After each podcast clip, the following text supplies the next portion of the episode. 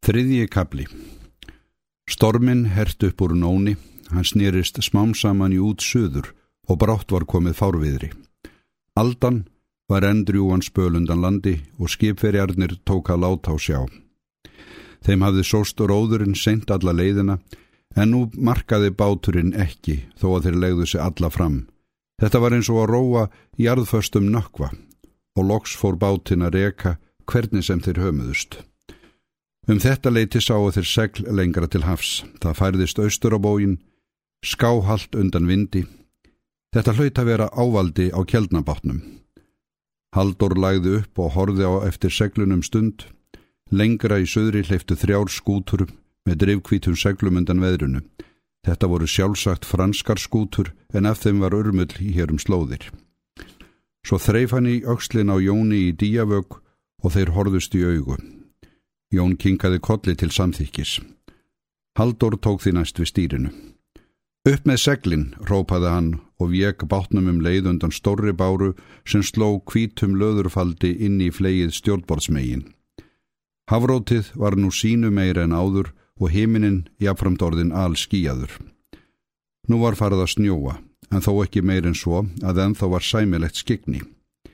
Skipverjarnir dróðu upp það á stórsegli og stafnhyrnu sem tali var að báturinn þildi.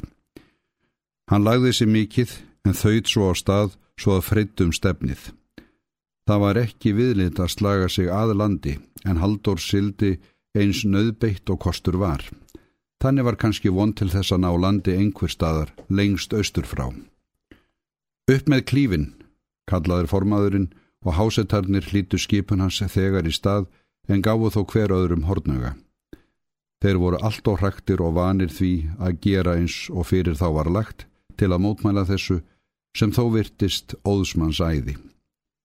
Nokkrir þeirra litur snögt og spyrjand á Jón í díavög en hann satt við stórskautið og let allt annað lönd og leið. Klífurinn þaut upp og báturinn lagðist meir á kinnungin en þókaðist jáframt betur upp í vindin. Haldur Bessason klóraði sér í klökuðu vangaskegginu með þeirri hendinu sem laus var. Þetta leit nú ekki sem verst út, fróðlegt að vita hvar þá bærað landi í kvöld. Nú hafði heldur dreyið úr frostinu svo að bátinn klakaði ekki eins og áður. Það var mikil bót í máli. Allt í einu dundi yfir þá hagljel, þjett og hart, svo að hvað við í súð og þóttum. Allt útsýni huldist sorta. Úvið hafið umhverfis var löður kvitt, þetta var eins og að sigla í sjóðandi mjölk. Ágjöfin var nú svo mikil að þrýrurða standa í austri. Allt í einu heyrðist snöggur brestur gegnum sjáargníin og veðurdinin. Bátrun hófstað framann og geistist fram svo að löðrið freytum stefnið en jáframt vek hann sér örlítið undan vindinum. Klífurinn hafði kuppast sundur.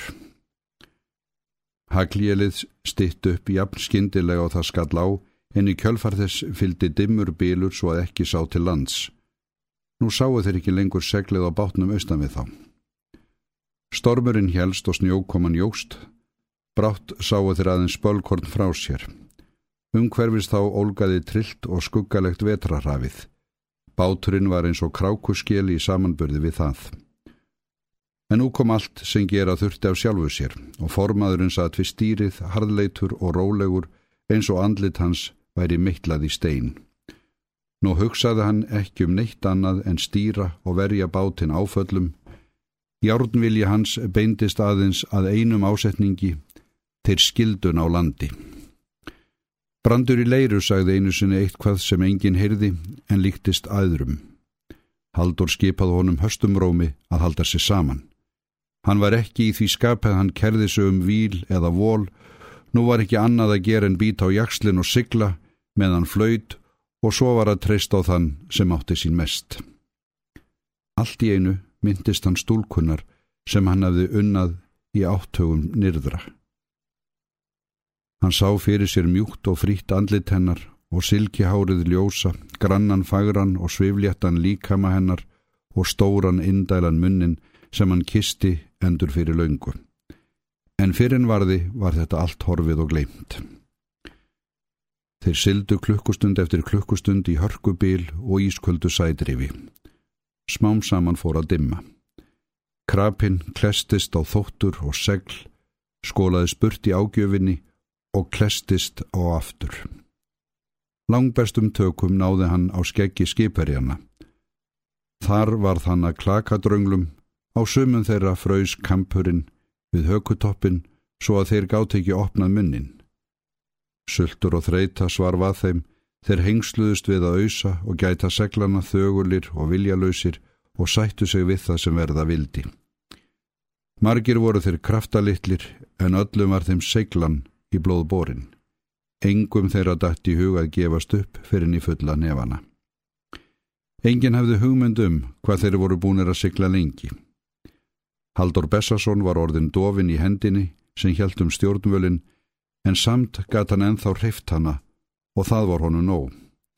Myrkrið var svo svart að hann sá naumast handa sinna skil en hann starði út í sortan kvössum tindrandi augum og lagði eirun við sérkveri hljóðbreytingu í ömurlegum, sveljandi sjáargnínum.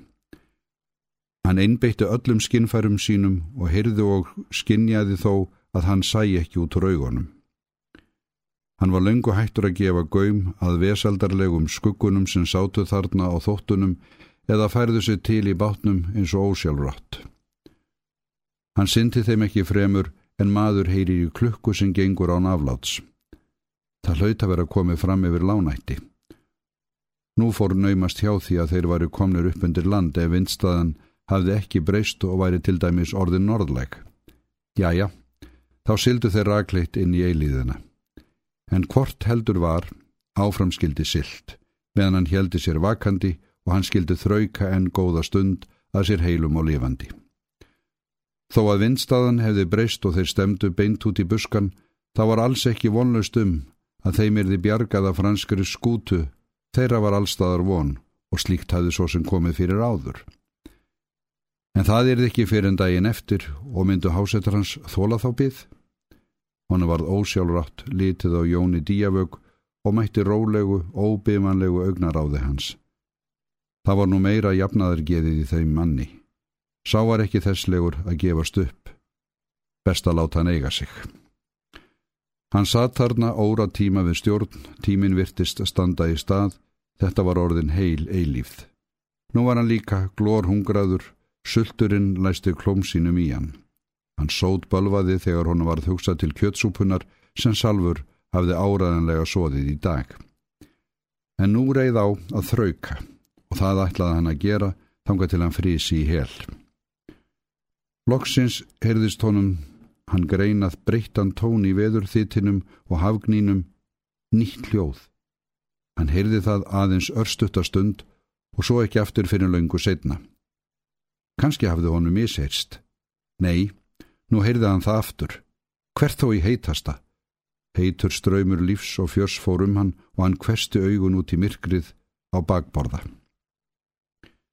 Enn var ekkert að sjá, en smám saman var þetta nýja hljóð greinilegra Nú heyrðu þeir það allir, dimmur niður brimsins sem brotnar við stórgrýta strönd. En þó voru þeir síður en svóur allir í hættu.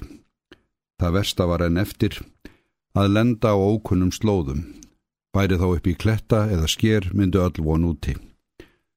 Haldur stýrði rólegur upp undir land. Hann hafði handaskipti í fyrsta sinn til að liðka hægruhöndina áður en til stór átaksins kæmi. Nú læði líka sjóin, Sennilega voru þeir komnir í var af nesi. Í næstu andrás á hann móta fyrir dökkri rák út í hríðarkófunu, en brimgnýrin var alls ekki svo ægilegur. Það hlaut að vera sandur fyrir stafni og vonum björgun. Hann gerði sér líklegan til þess að klóra sér í vangaskekkinu, en komst ekki að því fyrir klaka. Réttið úr ykkur piltar og verið viðbúnir að stökka út úr bátnum strax og hann tekur niðri, rópaði Haldur til skipverjana. Hörkulegur öll hans var þróttmikil og kvöss, þrungin lífu og fjöri eins og daginn áður. Hoknir skuggarnir urða lifandi verum sem þráða bjarga lífi sínu. Þeir lendu í svartri sandfjöru sem stórar fallþungar öldur skullu á. Báturinn er endað landi á hríkælegri bylgu en tók allt í einu niðri og hallaðist á hliðina. Í sömu andrá voru Haldur og Jón komnir útbyrðis, þeir kusa að vera aftastir þar sem hættan var mest og hinn er fyldur þegar á eftir. Þeim tósta rétta skipið við áður en næsti sjór reyði yfir. Það hvað við gnýr sem yfirgnæfði veðurdinin og báturinn þeittist áfram átt að faðma að minnstakosti. Svo kom út sóið sem virtist ætla skóla öllu burt. Nú reyð á að leggja sig alla fram. En hrakinni skipsöfninni var þetta ofraun. Báturinn seg góðan spöl aftur á bak uns ný fyrirskipun formansins hvað við og yfirgnæfði stormin Þá namn báturinn smám saman staðar og sjórin rann undan honum. Það skvettist framann í haldur, hann snýri sér við, horða á eftir bárunni og skipti. Vertu bara rólegur, kunningi. Ég vona við eigum eftir að hittast aftur, sagði hann og glotti við olgandi sjónum. Áfram nú, kölluðu þeir sem aftastir voru einum rómi og báðir tóku þeir á af öllum kröftum. Bátnökvin kiftist við en satt svo blí fastur. Það var vonlaust verk að ætla að setja hann með aflanum í. En svo kom næsta bára eins og kölluð, því að hún var hæfilega stór án þess að vera hættuleg. Að þessu sinni þókuð þeir bátnum svo hátt að þeim gafst tóm til að seila fiskin. Seilarnar reyndust margar og voru jafnóðum borðnar undan sjó. Skipverjónum vannst verkið fljótt og vel Þeim hafði vaksið ásmegin við lendinguna. Þegar þessu var lokið hófust þeir handum að setja bátinn.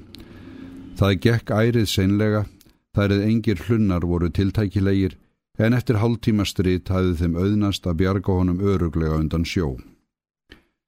Þessi síðasta þrekrun hafði eitt öllum þeim kröftum sem þeir áttu eftir. Þeir stóðu kyrir um stund og kostuðu mæðin í svartri fjörunni. Þeir voru svo dasaðir að veðurgnýrin leti eirum þeirra eins og fjarlægur niður. Kvítfissandi sjóurnir brotnuðu við fætur þeirra en annars var allt hulið sorta. Nú voru þeir komnir í land, en myndi hér nokkur bær þar sem hægt væri að fá gistingu. Og hvernig áttu þeir að ganga langa leið í algeri óvissu eins og þeir voru á sig komnir, raktir og örmagn af hungri. Aug þess var færði nýll og veður á sinn þvílíkur að hann myndi reynast óþreyttum manni harlaþungur í skauti. Þeir stóðu þarna á ströndinni við æðandi hafið sem hafði mist á úr greipum sínum.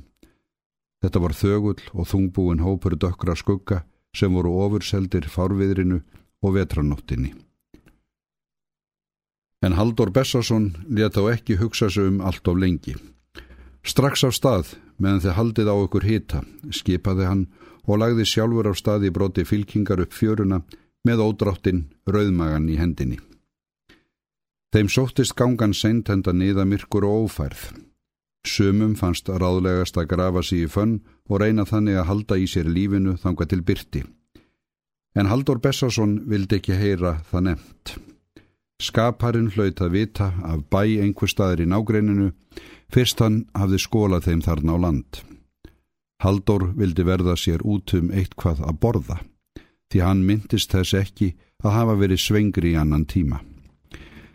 Þegar þeir höfðu brotist móti veðrinu klukkutíma eða lengur griltu þeir ljós langt vestur á lálendinu. Það kvarfaður hvori hríðinni en sást svo á ný.